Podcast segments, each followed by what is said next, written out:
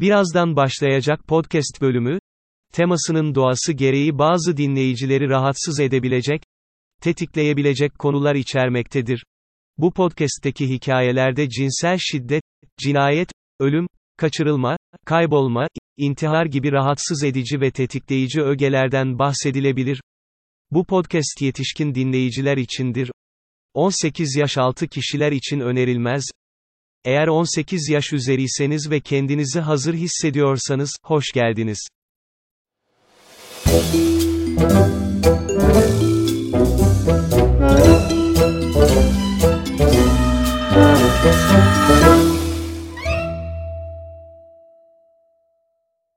ÇPN'de bir diğer bölümüyle daha karşınızda. Evet, bundan sonra ÇPN'de demeye karar verdim. Çok daha kısa. Tutmasını umuyorum. Kendi bulduğun isim çok mu uzun geldi? Yazarken iyi de söylerken biraz yoruyor. Bir de çok konuşacağım Evet. bugün. O yüzden enerjimi daha doğru yerlere odaklamaya çalışıyorum. Ben True Crime ve sohbet sever hostunuz Sıla. ve yanımda co-hostum Bu Zeynep. bölümde dinlemeyi seven bir Zeynep. Evet. Evet. Şimdi öncelikli olarak bölüme geçmeden önce bir podcast'imizin olması hakkında ne düşünüyorsun? Yani kaç aydır konuşuyoruz biz bunu? Yani şöyle, ne zamandır tanışıyoruz? İki yılı geçti. Evet iki yılı geçti Net tabii. geçti. Yani Çok bunun net geçti. çok hani yakın bir dönemi. Dörtte biri gibi bir sürede. Evet. Zaten çok kısa sürede ikimiz de True Crime sevdiğimizi fark ettiğimiz için Evet. Bunları zaten birbirimize sık sık konuşuyorduk. Son herhalde iki aydır falan ciddi ciddi podcast planlıyoruz. Son bir haftadır da şimdi yayına hazırlanıyoruz. Son iki aydır bayağı işte kapak fotoğrafı. Hı. Yok efendim işte o nasıl olsun, bu Yok nasıl olsun, jingle, isim yok olsun. Ne, hangi program? Evet jingle. Bir şey değil mi? Sonunda onlar bittiği ve konuşma faslına geçebildiğimiz için çok mutluyum. Çünkü dinleyicilerimizden fark etmeyenler olduysa eğer ikimiz de bayağı çenesi düşük podcast Eğer hala anlamadıysanız de bu. Konuşmak istiyoruz. çünkü bir platform var ve bizden konuşmamızı istiyor. Ve en sevdiğimiz konularda konuşabiliriz. Ve kimse bizi tutamaz. Var. Evet, evet. Derdimiz buydu ve ben sonunda bu kısma gelebildiğimiz için feci mutluyum. Kesinlikle yani. iki aydır böyle bekliyorum hazır. Bitse Şey de yaptık konuşsak, hani- bitse de konuşsak. Listede konuşsak sürekli liste yapıyorum kafamda. Hmm, bunu anlatırım, sonra bunu anlatırım, sonra bunu anlatırım. İşte programı şöyle yaparız, böyle yaparız filan diye. Evet. Sürekli bu anın hayalini Evet. kuruyordum ve nihayet Ve nihayet geldi. Sonunda konuşabiliyorum. yani hashtag şükür gerçekten. Um, Okey tamam. Şimdi yavaş yavaş geçmeden önce bugün Dyatlov geçidi olayından bahsedeceğiz. Şimdi şöyle ki ben bu hikayeyi ilk önce lisedeyken falan duydum ve yaklaşık artık herhalde 10 yıla yakındır falan beni feci rahatsız eden bir hikaye. Um, Yıl ver ve yaşın ortaya çıkar. Ay çok yaşlandım. Neyse işte e, uzun yıllardır beni feci rahatsız eden bir hikaye. Senin de bunu daha önceden duymamış olmana birinci olarak şaşkınım. İkinci olarak inanılmaz mutluyum. Çünkü ben anlatırken suratının alacağı hali çok merak ediyorum. Şimdi öncelikli olarak benim yani burada şöyle bir açıklama yapmak istiyorum. Okey. Ben True Crime'ın cinayet ve seri katiller kısmıyla ilgileniyorum. Ben True Crime'ın geri kalan kısımları hakkında boş bir levhayım. İşte çözülmemiş vakalar, birkaç tane şey biliyorum. Tarikat. Onları da çok yüzeysel biliyorum. Hı hı. Hani yok kaçırılmış, yok çözülmemiş. Yok. Seninle konuşmaya başlayınca öğrenmeye başladım ben bunları. Evet, Mesela şimdi- Kötülük Dehası belgeselini seninle izlemeye başladım. Hı. Hazırım. Çok heyecanlıyım. İlk Okey. defa senden dinleyeceğim Şimdi için. ben de çok heyecanlıyım ilk defa benden dinleyeceğin için. Şimdi benim çözülmemiş vakaları olan sevgimi biliyorsun. Ve Evet. giriş vakası olarak bunu seçmiş olmamın sana belli başlı ipuçları veriyor olması lazım. Şimdi bu vakanın ne kadar sinir bozucu olacağını düşünüyorsan al onu bir. Sonra onunla çarp. Sonra elde ettiğin rakamı düşün. Çok daha sinir bozucu olacak. Çünkü bu gerçekten ultimate çözülemeyen olay. O kadar Neden bile karşılaştırırsan ne kadar sıkıcı, Ya ama- can sıkıcı. ama yani farklı şeylerdeler. Yani farklı kulvarlardalar. Bunun olayı Doğru. şöyle. Ay, çok fazla ipucu var. Ama sen ipuçlarını öğrenmeye başladıkça olay sadece daha da karmaşıklaşıyor. Ve yıllardır süre gelen 70'in üzerinde aktif teori var.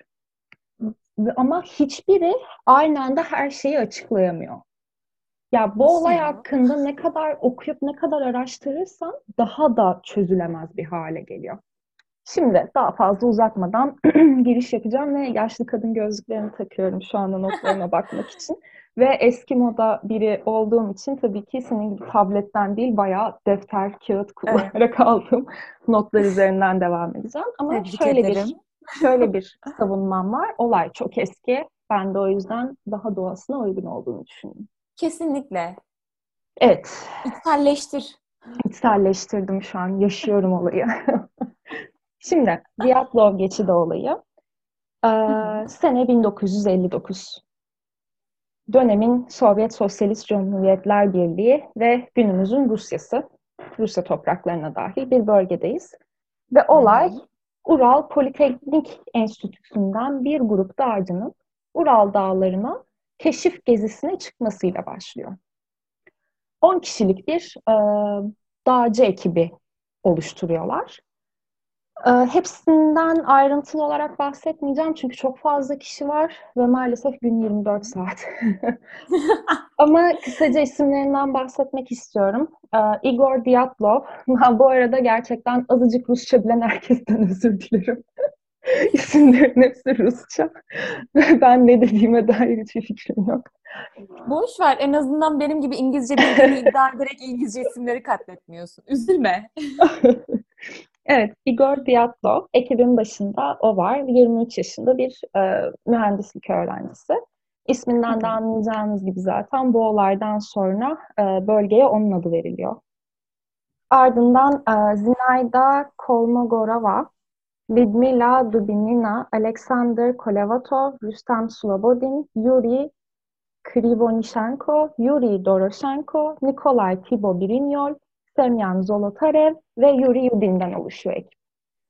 İki kadın ve sekiz erkeklik bir ekipler. Ee, ve dediğim gibi bir keşif gezisine çıkıyorlar. 23 Ocak'ta başlıyorlar gezilerine. 25 Ocak'ta trenle İvdal şehrine varıyorlar. Ondan sonra İvdal şehrinden otobüsle Vijay şehrine geçiyorlar. Vijay şehrinde Yuri Yudin ekipten ayrılıyor. Ee, bazı sağlık sorunları nedeniyle. Anladığım kadarıyla her yer farklı bir şeyler diyor ama hem romatizması varmış hem eklem ağrıları çekiyormuş. Bunun yanında sanırım farklı rahatsızlıklardan da müzdaripmiş. Elindeki eşyalarını vesaire arkadaşlarına dağıtıp ekipten ayrılıyor. Ee, bu arada ekiple ilgili ufak bir info. Hepsi feci tecrübeli dağcılar. Yani bu kesinlikle ilk şeyleri falan değil yani yıllardır hepsi dağcılıkla ilgileniyor. Ee, aynı zamanda hepsi de çok zinde ve genç insanlar. Yani 20-24 yaş arası bir ekipler. Bir kişi hariç, e, Semyan Zolotarev hariç, o bir spor eğitmeni ve 38 yaşlarında olduğu söyleniyor. Ee, Yani bir dağa çıkabileceğin en iyi ekip gibi Tabii, duruyor şu tabii. an. Kesinlikle öyle. Yani hani Ocak ayında Rusya'da Ural dağlarına tırmanmak istesem yanımda bu ekip olsun isterim. Hani Evet, öyle bu bir. da bir yürektir ayrıca. Aynen öyle. İşte e, bayağı tekin tipler. Bu bahsettiğim e, 38 yaşındaki Semyan Zolotarev de şey İkinci Dünya Savaşı'nda e, Kızıl Ordu'da görev yapmış falan böyle. Bayağı bir şey biri yani hani bayağı Oo. güçlü, sapasağlam tipler hepsi.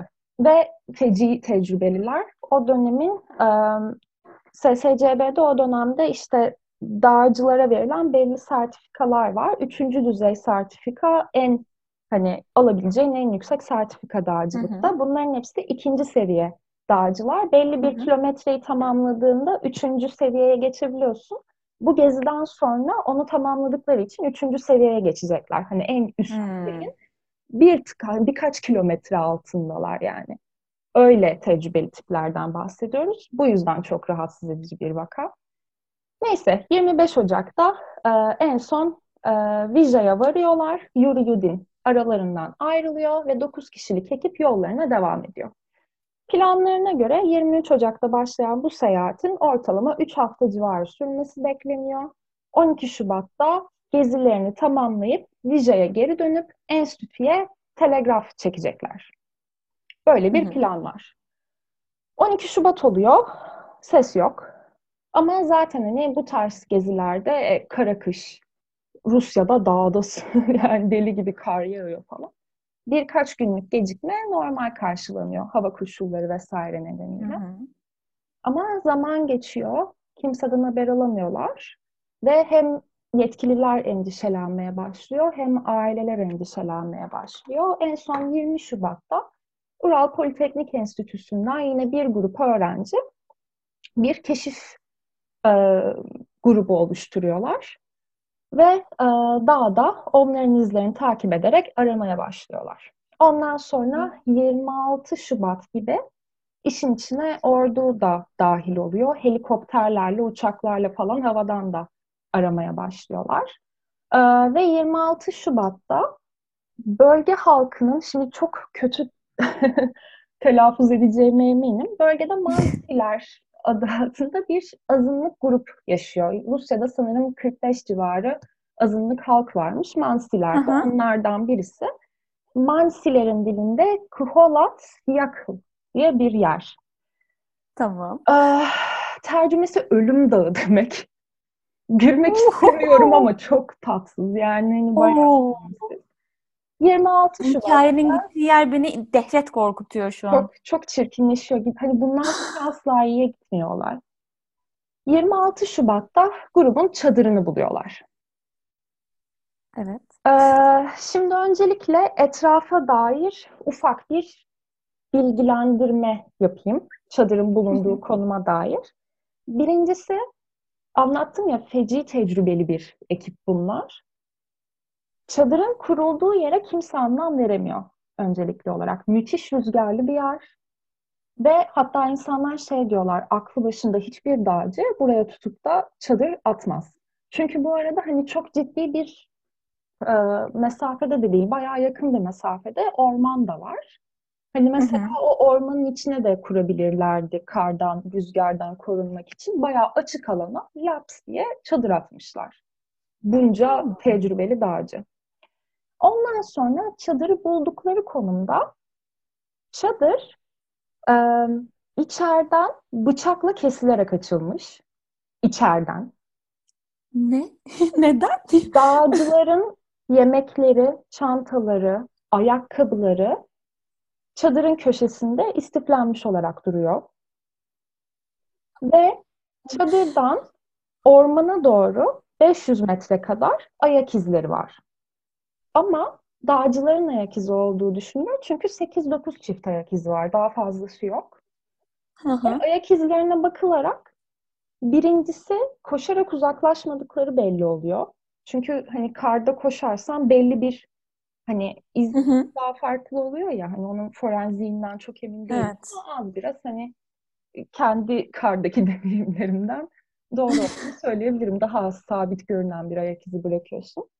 Birincisi Evet, bu. ayırt ediliyor yani. Uzmanlar anlıyor Evet. bunu sonuçta. Birincisi bu. İkincisi uzaklaşan ayak izlerinden bazıları çıplak ayak. Bazılarının bir ayağında ayakkabı var, bir ayağında yok. Bazıları çoraplı. Böyle bir sahneyle karşılaşıyorlar. Ondan sonra 26 Şubat'ta çadırı bulduktan sonra 27 Şubat'ta ilk cesetlere ulaşıyorlar. İlk cesetlere ulaşıyorlar. 9 kişilerde. Peki. Ee, Evet, 27 hazırlıyorum kendimi. Ormana doğru giderken ormanın girişinde bir sedir ağacının dibinde Yuri Krivonishenko ve Yuri Doroshenko'nun cesetlerine ulaşıyorlar. Hı hı. İkisi de iç çamaşırlarıyla, ayakları da dahil geri kalan her yerleri çıplak. Ateş Hı hı. yakmışlar, ateş kalıntısı var ve bulundukları sedir ağacının dibinde bulunuyorlar ya sedir ağacının. Hı hı. 5 metreye kadar dallarının kırıldığını fark ediyorlar. Yani ağaca tırmanmaya çalışmışlar. Şimdi teoriler şöyle ya bir şeyden kaçmaya çalışıyorlardı ya da kampı bulmaya çalıştıkları için yüksek bir yere çıkmaya çalıştılar Hmm. falan. Ama bu arada yani şeye de kampa da yakınlar. Yani bir kilometreden uzakta değiller. Müthiş yakınlar kampa. Ve bu, bu pozisyonda bulunuyorlar. Ondan sonraki gün e, ağaca e, sırasıyla 300, 480 ve 630 metre mesafede bu şey e, Yuri Krivonishenko ile Doroshenko'nun bulunduğu Hı hı. ağaca 300 metre, 480 metre ve 630 metre mesafede Igor Dyatlov'un, Zinaida Kolmogorova'nın ve Rustam Slobodin'in cesetlerini buluyorlar. Bulundukları pozisyonlar çok enteresan. Üçünün de e, ya birbirlerine de çok yakınlar bu arada. Hani aralarında 180 metre, 150 metre Evet. bir mesafe var. Temiz bir havada birbirini görebilirsin bile o mesafeden. Bulundukları Yani evet. pozisyonlar üçünün de kampa doğru gider gibi bir pozisyonda bulunuyorlar. Yani hepsinin yüzü kampın bulunduğu yöne doğru. Hani neredeydilerse kampa dönmeye çalışıyorlarmış gibi. Hı hı. Böyle bir pozisyonda bulunuyorlar. Ondan sonra bu bulunan e, ilk beş cesedin ölüm nedeniyle ilgili yapılan ilk otopside hipotermiden öldükleri söyleniyor. E, onun haricinde başka ekstra bir external e, Hı hı. Dışsal sebep yok. dışsal bir sebep bulamıyorlar. Yalnızca Rüstem Slobodin'in kafatasında bir çatlak var. Ama şey değil böyle. Küçük bir çatlak değil ve çatlağın tuhaf yanı hani bunu tek bir kaynakta okudum. Ee, teyit edemeyeceğim. Başka yerlerde böyle olduğu yazmıyordu. Kiminde ufak bir çatlak diyor, kiminde e, daha büyük olduğunu söylüyor. Bu okuduğum Hı hı. kaynakta eğer doğruysa yumuşak doku travması yok. Sadece kafatası çatlak. Nasıl? Ya üstündeki deriye zarar vermeden nasıl kafayı Aynen. çatlatabilir? Aynen. Aynen. Ee, ve hipotermiden öldükleri söyleniyor. Başka bir ölüm nedeni bulamıyorlar. Yani iki adam iç çamaşırındaydı zaten. Onların hipotermiden ölmesi çok Evet. doğal. Evet haliyle. Ee, diğer dört cesede e, aylarca ulaşılamıyor. Tabii kar çok fena yağıyor. Şubat ayında Rusya'da dağdasın. Hani ürkütücü. 4 Doğru. Mayıs'ta buluyorlar diğer dördünün cesedini karlar birazcık erimeye başladığında. Burada işler feci karışmaya başlıyor. Sanki zaten yeterince karışık değilmiş gibi. Şimdiye kadar çok iyiymiş gibi gerçekten. Daha da mı karışıyor? Burada müthiş karışmaya başlıyor olaylar. Şimdi e, Nikolay Tibovirinol, Lyudmila Dubinina, Semyon Zolotarev e, ve Alexander Alexander Kolevatov'un cesetlerine ulaşıyorlar. Hı hı. Şimdi olay şu. Bulundukları yerde bir tür e, çukur kazmışlar diyeyim. Dördü birbirine çok yakın bulunuyorlar. Genişçe bir çukur kazmışlar ve derince. E, ve çukuru şeylerle, dallarla falan e, yerlerini örtmüşler. Bunu olabildiğince kardan ve soğuktan korunmak için yaptıkları düşünülüyor. Özellikle Hı hı. de muhtemelen Zolotev'in aklına geldiğini söylüyorlar. Bu e, İkinci Dünya Savaşı'nda savaşmış. hı. Onun aklına geldi. Çünkü Rus askerlerinin genellikle soğukta hayatta kalmak için cephede bu tarz yöntemlere başvurdukları söyleniyor. Böyle bir derince bir çukurun içinde bulunuyorlar. Tabii kar yağdıkça üzerleri karla kaplanıyor. 4 metrenin altında falan buluyorlar yani. Hani öyle bir Oh. derinlik. Ee, Kendilerine kaz- mezar kazıyorlar yani üstüne kar örttükçe çünkü. evet, evet. Ama yani o anda yapabilecekleri en Kötü. mantıklı şey oymuş gibi geliyor. Şimdi cesetlerin bulundukları durumlar çok enteresan. Ha, öncelikli olarak bu dörtlünün ilk beşten daha uzun süre hayatta kaldığını düşünüyorlar.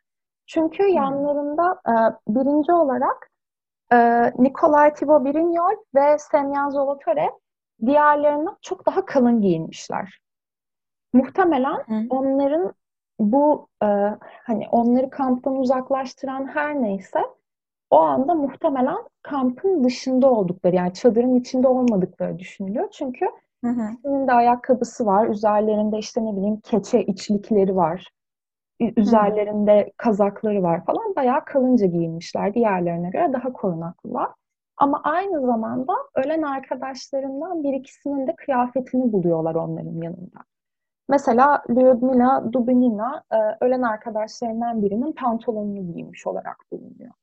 Ama bunun yanında giymedikleri kıyafetler de var. Belki hani benim teorim acaba kamptan çıkarken böyle tutup alıp hani belki lazım olur diye mi? Ama hani nasıl bir acele Olabilir. ama içeriden bıçakla açarak çıkıyorsun çadırı. Yani belki şey olmuş olabilir bu kaçma ya da uzaklaşma sürecinde birbirlerine kıyafet vermiş olabilirler. Hani kahramanlık şeyiyle ben zaten hipotermi geçiriyorum hani donumla çıkmışım dışarı ama pantolonumu da sen giysen öyle gibi bir şey de Ben yapmış zaten gideceğim. Ben Zaten açım, susuzum. Zaten don- Donmuşum. Zaten yarı çıplağım. Al senin olsun bari birimiz hayatta kalsın. Olabilir belki bilemezsin. Ondan sonra Yani. neyse. Bu dörtlünün cesetlerine ulaşıyorlar. Şimdi hazır mısın? Nikolay Asla değilim.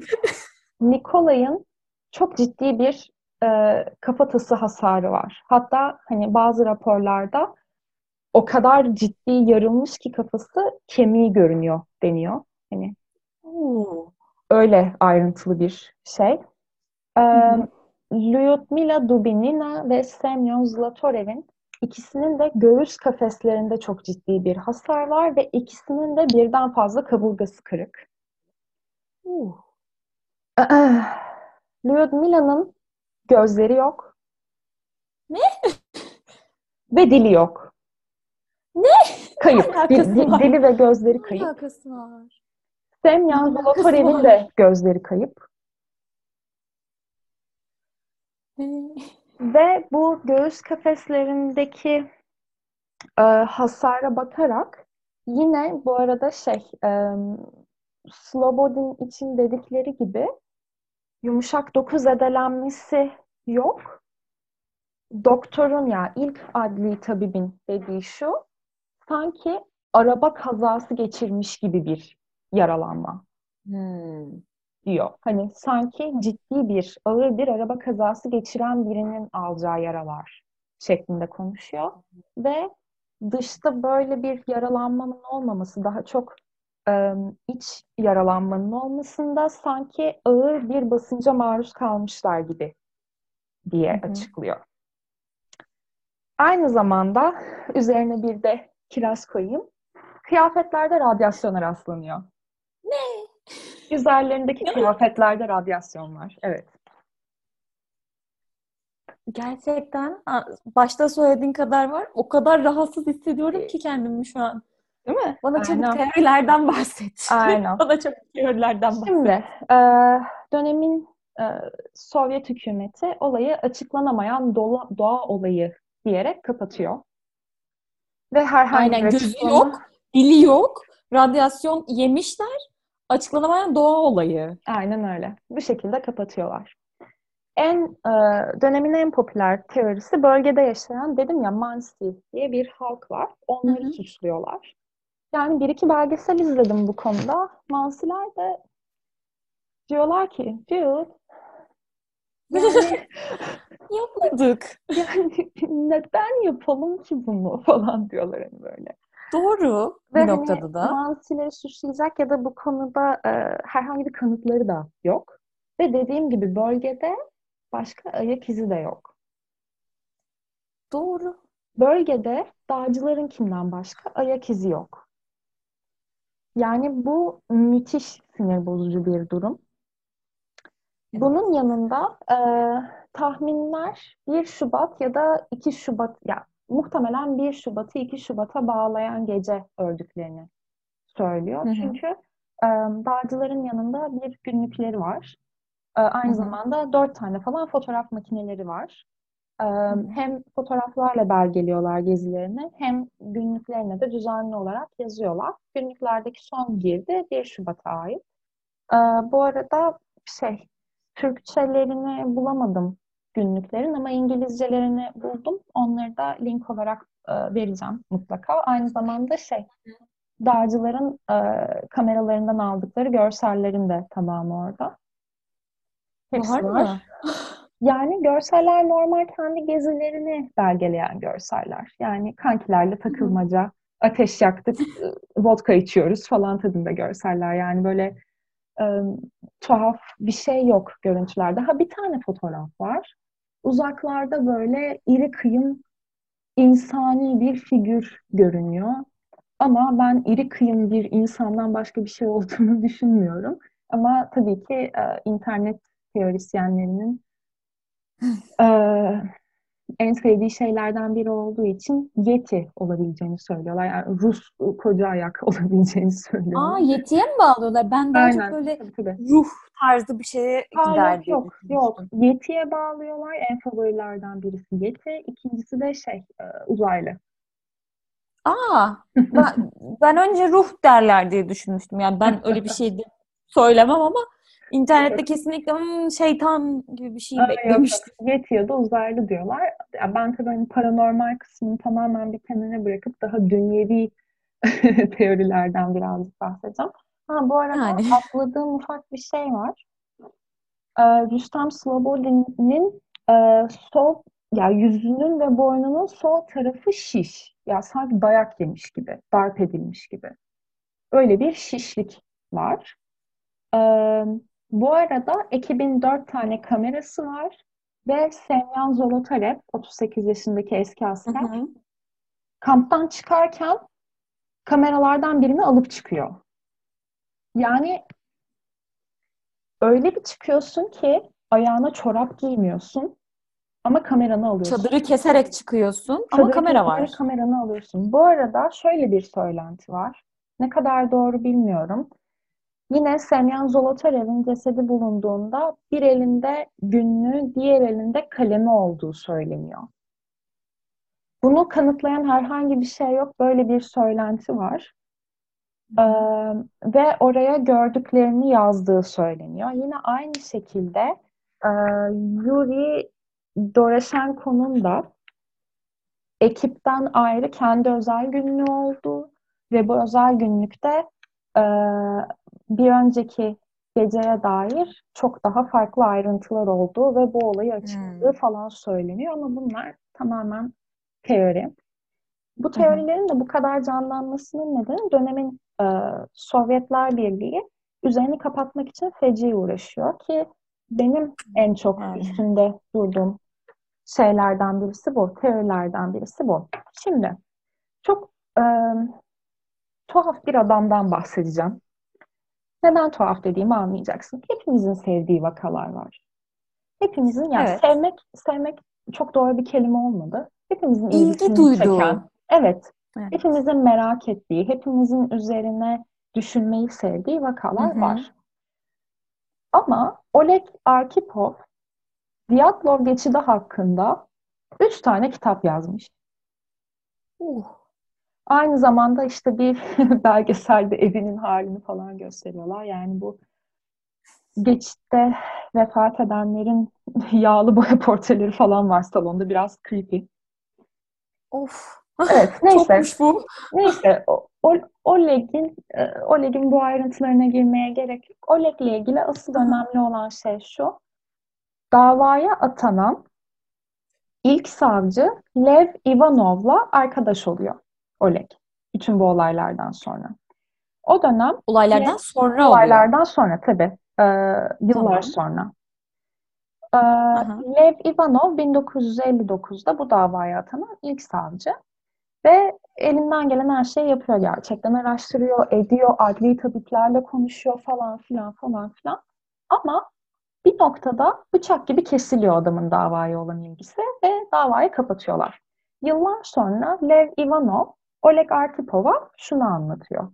Diyor ki, ben gerçekten bu davanın üzerine gitmeyi çok istedim.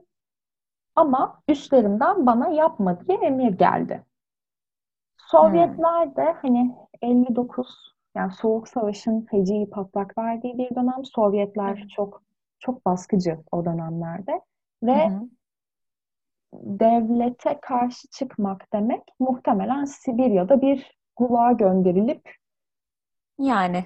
evet demiryolu işçisiyken ölmek demek. Hani o yüzden Hı hı. bir noktada sana yapma diyorlarsa yapmıyorsun. Adam Hı hı. şey diyor hani ben bütün bunlar için çok özür dilerim özellikle kurbanların ailelerinden ama benden devam ettirmemem istenildi üstlerim tarafından. Benim adli tabipten aldığım bilgiler vesaire hani olayın çok daha fazlası olduğu yönündeydi. Vücutlarındaki hasarların büyük çoğunluğu sanki bir patlama dalgası sonucu olmuş gibi tarif ediliyor adli tabipler tarafından. Yani şöyle, yakın mesafede bir şey patlıyor ve o patlayan şeyin dalgası nedeniyle hasar alıyorsun gibi düşün. Bu teoriyi destekleyen şöyle şeyler var. O dönemde çok fazla e, gökyüzünde turuncu ışıkların geçtiğini gören ve buna benzer çok fazla şeyi şikayet eden raporlar var. O bölgede yaşayan Mansi halkından da mesela bunu diyorlar. Yani e, kuyruklu yıldız gibi turuncu ışıklı şeylerin geçtiğini görüyorduk havadan diyorlar ve bunun e, Sovyetlerin o dönemde test ettiği yeni bir roket, yeni bir silah, benzeri bir şey olabileceği, Hmm. bunların dağcıları öldürmüş olabileceği ve sonrasında Sovyet askerlerinin e, bunu üstünü kapatmak için bütün o sahneyi kendileri kurgulamış olabilecekleri Hmm. söyleniyor. Yani ceset Ama içeriden taşındı. Ha, evet. İşte içeriden buna bıçak. geliyoruz. Buna geliyoruz. Hani şey diyorlar, belki yakınlarda roket patladıysa dumanı mumanı falan derken nefes alamamış Hı hı. olabilirler bilmem ne. Hani Ben de şey düşündüm söylenti var. Bu Hı. ıı, belki atom bombası ya da radyasyon içeren maddelerle bir çalışma yapılan bir alan vardır belki şey devlet tarafından ve Hı hı. yakınlarda bir patlama olmuştur ve patlamanın sesini duyup kaçmaya çalışırken o dalga halinde Hı hı. vuruyor ya hı. zaten. Evet. Ama o zaman da uzağa doğru kaçıyor olmaları lazım. Cesetlerin yüzleri kampa dönük. Evet. O Yani bir süre gitmişler, bir süre gitmişler sonra geri dönmeye çalışırken yolda ölmüşler gibi gözüküyor. Evet. Yani ve birbirlerinden Kaçma neden o kadar olsa- ayrıldılar? Evet. Kaçma olsa çukur olmaz. Hani Hı hı. kaçıp dönüyor olsalar bütün ekip kaçar ve bütün Evet. ekip döner. Evet, bu doğru. Onun haricinde yine bu savcı Lev Ivanov'un dediği bir şey var. Cesetler bulunduktan sonra İvdel'de hani bu ilk e, vardıkları yer vardı ya İvdel şehrinde derme çatma bir morg benzeri bir yer kuruluyor bir anda yalap şalap. Cesetler orada inceleniyor. Şimdi işin tuhaf yanı şu. Olay tabii çok medyatik bir olaya dönüştüğü için e, mekanın güvenliğini yani çevrenin güvenliğini sağlamak için normalde orada bulunması gereken polis değil KGB ajanları olduğunu söylüyor Lev Ivanov. Yani bölgenin o anda kontrolünü normalde polisin sağlaması gerekirken yerel polisin KGB ajanlarının sağladığını söylüyor. Ve Kesinlikle şüpheli değil. Asla. asla Ne değil, alakası var? asla değil. Ne Ne alakası var? alakası Yani var? genç dağcı ölümüyle KGB ajanının ne alakası var? Ve aynı zamanda e, bu derme çatma morga bir varil alkol götürülüyor. Bunun da zamanında e, ilkel bir radyasyondan korunma yöntemi olduğu düşünülüyor. Yani eğer kendini alkole batırırsan radyasyondan korunursun diye düşünüyorlar 59 yılında. 59 yılındaysa olabilir evet. Aynen öyle. Böyle bir durum var. Ondan Hı hı. sonra e, bu ve benzeri yüzlerce teori var. Kimisi diyor ki işte Semyon Zolotarev CIA ajanıydı ya da KGB ajanıydı. Onu öldürürken herkesi öldürdüler bilmem ne. E, bir tanesi Nikolay, soyadını hiç okuyamıyorum ama Nikolay Thibault Brignol e, hı. Stalin döneminde bayağı böyle baskı görmüş bir Fransız komutanın oğlu. Onun siyasi bağlantıları nedeniyle ekibin geri kalanının öldürülmüş olabileceğini söylüyorlar. Onun haricinde dediğim gibi en yaygın teoriler Yeti ve uzaylılar. Ee, bunun dışında çok yakın zamanda yani herhalde bundan bir iki ay kadar önce 2021 tarihli olduğunu eminim çünkü gördüğüm haberin. 62 yıllık gizem çözüldü falan filan diye bir haber gördüm ben. Merakla Çok merakla bekliyorum. Tabii tabii. Evet. Müthiş bir merakla tıkladım. Acaba neymiş? Yani çünkü 62 yıldır çözülememişti. Ne oldu da çözdüler? Ee, 2017 yılında galiba yanlış hatırlamıyorsam ya, yanlış olabilir kesinlikle. Bunu yazmamışım çünkü tamamen hafızadan konuşuyorum. Rus Hı hı. hükümeti davayı tekrar açıyor. Çünkü artık cold case'e düşmüş yani soğuk davaya düşmüş. Kapanmış konu. Ee, tekrar açıyorlar e, davayı. İncelemelere başlıyorlar falan filan falan. Getirdikleri açıklama şu. Şu. Vay arkadaş diyorlar. biz bunu nasıl düşünemedik ya? Sığ diyorlar. Ama şimdi şöyle bir şey var. Bunun hani insanlarla yapılan röportajları, bölge halkının dediklerini falan okuyorum. Çadırın kurulduğu bölge o kadar açıkta bir bölge ki hani dağ yamacında değilsin. İşte ne bileyim ağaç dibinde değilsin. Bayağı ulu orta Hı. ova gibi bir yere pat diye koymuşlar. İkincisi, üzerinden bir aya yakın zaman geçiyor bak. Birinde kurulmuş çadır, 27'sinde kalıntılarını buluyorsun ve gerizekalı çığ olsa bir ayın sonunda o çadırı sen nasıl göresin? Nasıl göresin? Ha bu arada Hayır. fotoğraflar falan var. Sana da atarım. Link olarak da paylaşırım. Çadır şey değil hani böyle tam olarak durduğu haliyle durmuyor tabii ki. Üzerine kar yağmış bilmem ne ama uzaktan baktığında orada bir yerleşim yeri olduğu belli oluyor. Çığ olsa nasıl göresin onu? Hayır bir dakika. Şimdi çığ olsa tamam diyelim bu adamlar ayrıldı. Çığ düşerken 4 metrelik bir kuyu kazabilir misin? Ya hayır biraz uzaklaşmışlar hani gecenin sonunda kazmışlar muhtemelen onu da. Yine de Çığ olsa neden o kadar 100 180 metre açıkla dursunlar? Ne bileyim yani yani çok mantıklı gelmiyor. bir insanın karlı bir dağda yaptığı geziden hızla uzaklaşması için çığ evet mantıklı bir açıklama ama çadırın bulunduğu konum, cesetlerin bulunduğu hal, radyasyonu nasıl açıklayabilirsin çığla? Doğru bir de radyasyon var. Ben onu tamamen Kızın unuttum. dili yok, dili. Kızın dili yok. Evet göz ve dil. Gözleri yok, dili yok. Nasıl açıklayabilirsin bunu? Kaburgalarında kırıklar var. Kaburga kırığı, kafa kırığı, hani çığ düştü üstüne sert taşlı getirdi falan gibi bir şeyle de açıklarsın ama radyasyon gerçekten Evet. çok saçma. Yani Yani gözü, dili, bir insanın çığda da dili kopamaz herhalde. Ya da gözü oyulamaz herhalde iki gözü birden. aynen öyle. Evet, bu hikayede böyle bir hikaye. Çok rahatsız. Müthiş tatsız değil mi? Müthiş tatsız değil mi? Çünkü ya bu arada rahatsızım. çok daha fazla ayrıntısı var. Özellikle bunun için kurulmuş bir internet sitesi var. geopolitest.com falan diye böyle. Hani onu da link olarak veririm. Ve şey hani bütün ım, günlük yazıları, fotoğrafları, hayatları, her şey var. Ama tabii hani 9-10 kişiden bahsettiğimiz için şimdi hepsine girmek e, çok kolay olmayacak. Hı hı. O yüzden ben olabildiğince o kısmını kısa kesmeye çalıştım. Dediğin gibi gün 24 saat. Evet, gün 24 saat ve hepsine girmem mümkün değil. Ama feci rahatsız edici bir konu. Yani buluntuların hiçbirinin birbiriyle alakası yok. Yani mesela sadece atıyorum iç çamaşırıyla koşa koşa kaçan insanları çığıyla bilmem neyle açıklayabilirsin. Ama bir kısmı giyinik. Bir kısmı gerçekten durup Hı hı. kamera alacak vakti varmış. Aynı zamanda izler 500 Evet, metre mesela. devam ediyor. Ve bu 500 metreden sonra bir anda kesiliyor. Ve izler koşuyormuş gibi değil. Yürüyorlarmış gibi. Yani adli tıp raporunun Yani- tamamını okumadım ama bildiğim kadarıyla kanlarında hani alkol ya da uyuşturucu izine de rastlanmıyor.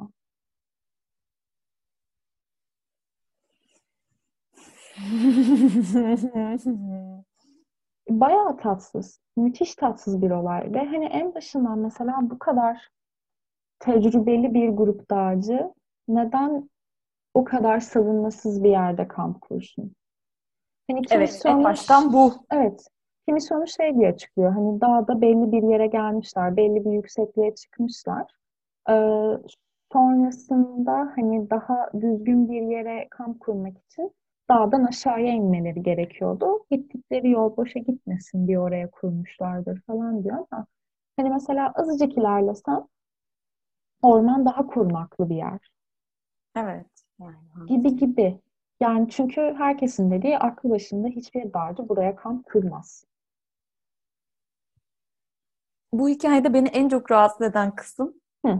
dil ve göz mevzusu. Evet, evet. Yani kimi yerde okuduğum şey şu, vücudun doğal çürüme sürecinin bir nedeni olabileceğini söylüyorlar.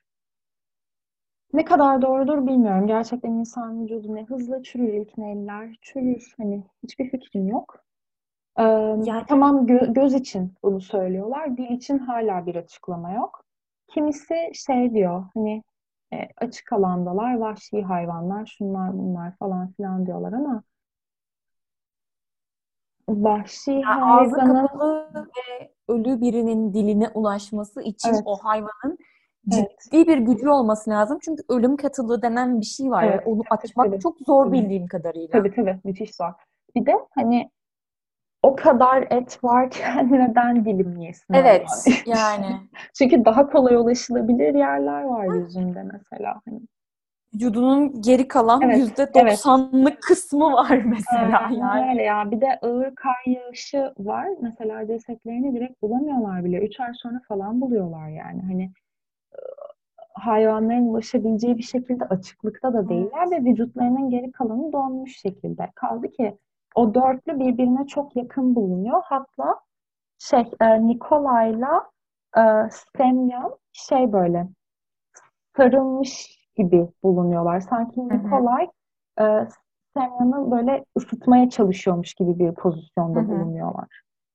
E, şeyin bu gözleri ve dili olmayan kızın e, neydi ya?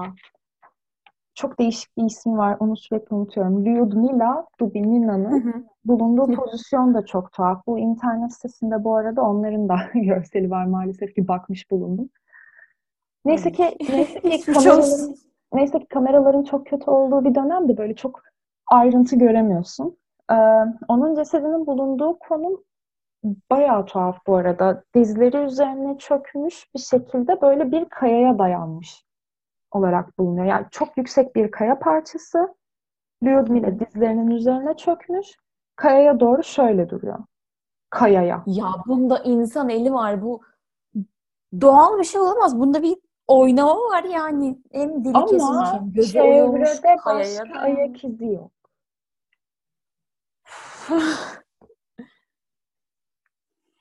Çevrede başka hiçbir ayak izi yok. Bazılarında darp benzeri izler var. Ama birbirlerini dövmek için bir neden değil. Yoksa kimin yaptığına dair hiçbir fikrimiz yani. yok. Ve bu arada şeyleri dövseler ellerinde şey evet, olur. Evet. Yara evet. izleri.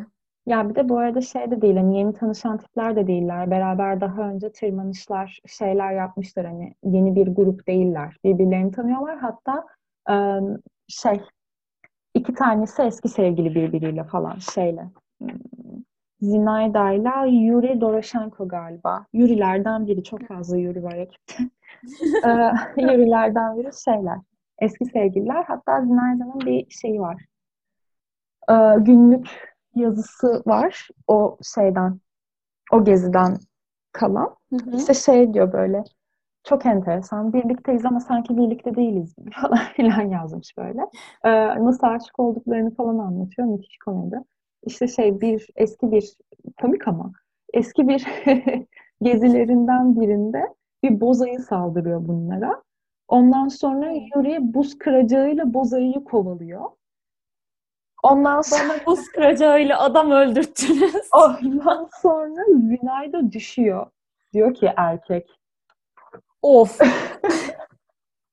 bir şey Öyle değil mi? Bir Biri benim gözümün önünde buz kıracağıyla bozayı kovalasa ben de bir durur düşünürüm. Ben de çok net. Yani Çok net.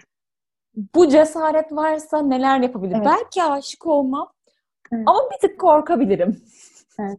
Bir tık Ama korkabilirim. yani bozayıya da koşmazsın hani anladın mı? Bir de elindeki şey de buz kıracağı. O Evet. yarım ne 30 santim filandır buz kıra- kıracağı yani ne kadar olabilir? Ya önemli olan niyet ama yani korkutucu bir şekilde gidiyorsan muhtemelen ayı da bir ürkmüştür yani. Hani bu salak bana niye koşuyor dersin. Çünkü düşünsene bugüne kadar gördüğün insanların hepsi senden Evet. uzağa koşuyor. Salağın bir Bu deli galiba deyip kaçmaya koşuyor. Tabii hani ürkersin ayı olarak da. Ya, çok doğru. Çok, Çok haklı doğru. bir düşünce. İşte böyle bir hikaye. Müthiş tatsız. Ha bu arada delillerin tamamının da bu kadar olmaması olası. Çünkü başından beri davayı hani hükümet birazcık ele aldığı için bazı delillerin halka açıklanmadığı, bazı fotoğrafların yayınlanmadığı falan söyleniyor. Bazı günlük sayfalarının gizli tutulduğu bilmem ne söyleniyor. Ne ne kadar doğrudur bilemiyorum. Bu ve benzeri 70 küsür farklı teori var. Yani Ben çok belli oynama olduğu ya. Çok Ya- çok belli yani. ben de bu arada ufak bir hükümet komplosu seziyorum. Yani Ben de. istenerek yapılmış bir şey olduğunu düşünmüyorum. Hani hedefli bir şey olduğunu düşünmüyorum. Bence Hı hı. görmemeleri gereken bir şey gördüler. Yanlış Bence yerde, de o- yanlış zamandaydılar. Ben patlama şeyine, hikayesine biraz odakladım kendimi. Yakında bilinmeyen gizli bir üs vardı ve o üsse yakın bir yerde kaldılar yanlışlıkla bence. Olabilir. Radyasyonu da açıklıyor. Her şeyi Evet. açıklıyor. Yani Ama hala gene hala gene açıklayamadığım gözler ve şeyler dili var. açıklayamıyor. Yani hala ortada başka ayak izinin olmamasını açıklayamıyor. Doğru. Doğru. Yani Yani şimdi bildiğim, kendi bildiğim vakalar üzerinden düşünüyorum. Bir insanın başka bir insanın dilini kesmesi demek bir şeydir hani normal bir olay içerisinde olduğunu düşünelim. Hani normal bir şehir içerisinde olduğunu düşünelim. Ne kadar normal sayılabilir bilmiyorum ama. Birinin dilini kesip onun cesedini ortada bıraktıysan hani konuşma demektir bu. evet değil mi? Bir Ya da böyle işte konuştuğun mafyavari için bir tehdit. Evet evet. Hani Böyle yatağını açmışsındır ve içinde at kafası at çıkar. kafası Öyle bir evet. evet. Evet. Ya da işte gözünü oyarsın görmemen gereken bir şey gördün Hmm. gibi bir ama yani oldukları ortam da çok garip. Evet. Çevrede başka ayak izi yok falan. Evet, bu bayağı rahatsız oldum. bayağı tuhaf. Çok sinir bozucu değil mi? Yani öncesinde de bu konuyla ilgili bir sürü şey biliyordum ama bu bölüm için araştırma yaparken daha derinlerine indim ve indikçe daha da tatsızlaştı yani. Çünkü öğrendiğim her şey sadece daha da karmaşıklaştırıyor olayı. Hı hı. Bilmiyorum. Kendimi çok kötü hissediyorum. Eğer bu podcast'ı dışarıdan dinliyor olsaydım sadece kendi bölümlerimi dinlerdim. Çünkü seninkiler çok sinirimi bozdu şu an. Biliyorum ya çok fazla açıklanamayan vaka var listemde. İşte anlattım ya sana 10 tane em, primary vaka belirledim kafamda böyle ve 8'i açıklanamıyor. Hatta dedim ya ikisinde kurbanın da kim olduğu belli değil. Sinir harbi. Bu bölüm kayıtları benim için sinir harbi olacak. Anlaşıldı. Yani açıklanamayan vakalarda şey hoşuma gidiyor. Böyle çok fazla olasılık var ve düşündürüyor beni. Farklı olasılıklar falan filan. Hani buna böyle bir eğlence kapısı gibi yaklaşmak çok çirkin. Hani Niyetim kesinlikle o değil. Asla o amaçla yapmıyorum ama kendimi birazcık dedektif gibi hissetmeme neden oluyorlar ve bu nedenle hoşuma gidiyor. Kesinlikle bundan Yani, evet. Hiçbir nedeni yok. Keyif almadım diyemem bu arada Hı hı. bu hikayeden, dinlemekten. Ama keşke yoruldun, çözüme ulaşsaydı. Çok Keşke yoruyor. çözüme ulaşsaydı. Evet çok kötüyüm. Ben gerçekten 3 yaş falan yaşlandım yani bu olaydan sonra. Diyatlov geçidinin ne olduğunu bilmeden önce gerçekten 15 yaşında falandım. Çok iyiydi. Bir saat önce çok güzel bir hayatım vardı. Evet. Bundan bir saat önce. Biliyorum. Biliyorum. Saçımda beyazlar çıktı. Benim gözlerimin etrafındaki çizgiler artık belli oluyor. Artık kaz ayaklarımız var. Hmm. Bu hikayeden sonra ikimizin de kaz ayağı var. Her neyse. Umuyorum ki e, yattıkları yer acıtmıyordur. Evet. Umarım Ebedi- öyledir. Ebedi istirahatlerine çay içmek istiyorum. Evet. E, Bu çay kadehlerini, çay kadehlerini bu çay kadehlerini. Ziyatlov ekibinin ebedi istirahatleri için kaldırıyorum. kesinlikle. Çok kötü bir ölümleri olmuş ama umarım yukarıda iyidirler. Umarım. Bu arada ben hepsinin cesetlerinin bulunmasından dolayı en azından mutluyum. Evet, bu da bir şeydir Yani gerçekten. aileleri için bir kapanış en azından. Hı hı. Bu da güzel bir şey. En azından ölenin kim olduğu biliniyor Sıla. Evet, evet. En azından Daha ölenin neler kim olduğu biliniyor. Daha neler duyacağız dur bakalım. E, bu arada çoğu hikaye bunun kadar trajik değil. Bu müthiş trajikti. Bazıları birazcık Gerçekten. daha şey böyle ajanlarlı böyle. Hoş. Hı hı. Öyle. Bakalım ilerledikçe göreceğiz neler olacak. Göreceğiz bakalım. Evet. Bu bölümün sanıyorum ki sonuna geldik. Benim anlatacaklarım bu Lütfen. kadar. Benim anlatacaklarım bu kadar. Bu vakayla ilgili benim atladığım bir şey biliyorsanız ya da aa bak şuna da bir bakarsan fena olmaz dediğiniz bir şey varsa sosyal medya hesaplarımızdan bize ulaşabilirsiniz. Evet. Ya da kendinizce bir teoriniz varsa. Ah evet evet ya da favori teoriniz ne? Çünkü Evet. sen bilmesen de aslında bayağı bilindik bir vaka. Teşekkür ederim. Bayağı Beni gömdüğüm vaka. Ve eğer hani bu konu hakkında okuduysanız, bir şeyler izlediyseniz, filmini falan da yapmışlar da izlemiyorum inatla. Yani çünkü bu tarz şeylerin, yani ne bileyim mesela Çernobil'in falan da filmini yaptılar ya. Hı hı. Dizisi değil, dizisi bayağı başarılıydı da. Çernobil'de olan olayları paranormal şeylere bağlayan absürt bir film yaptılar falan. Hani böyle bu tarz şeylerin filmleşmesi çok da böyle çekici olmuyor yani kısaca. Evet. Evet evet. O yüzden Ben de izlemeyeceğim. gerçek hayat hikayelerini izlemeyi çok sevmem gerçekten belgesel Evet. olmadıkça.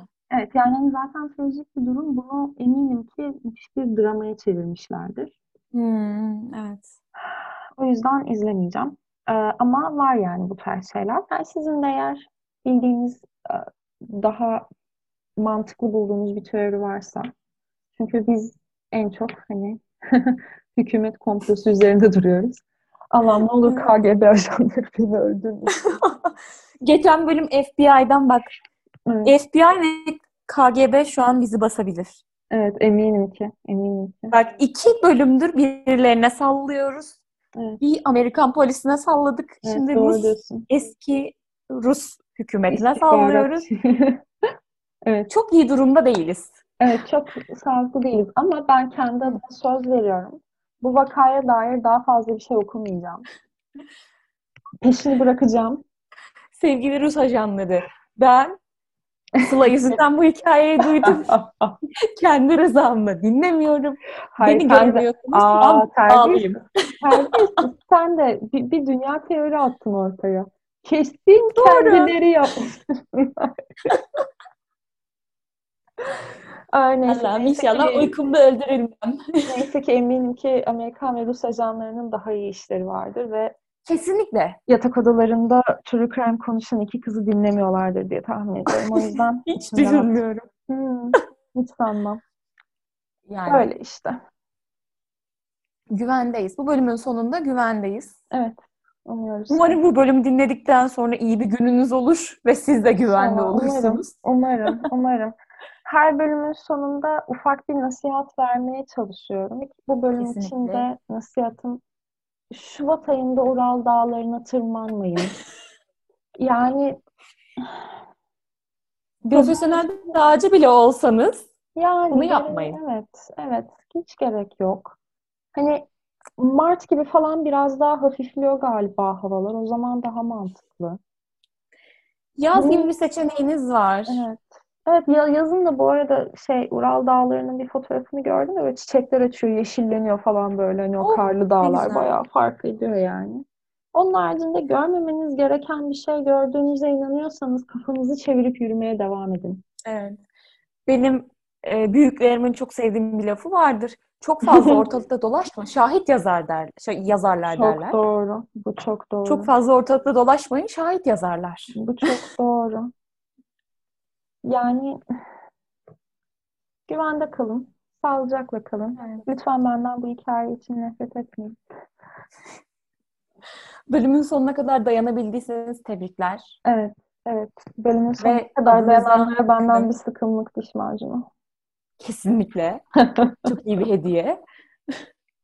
Görüşürüz. Bir sonraki bölümde görüşmek üzere.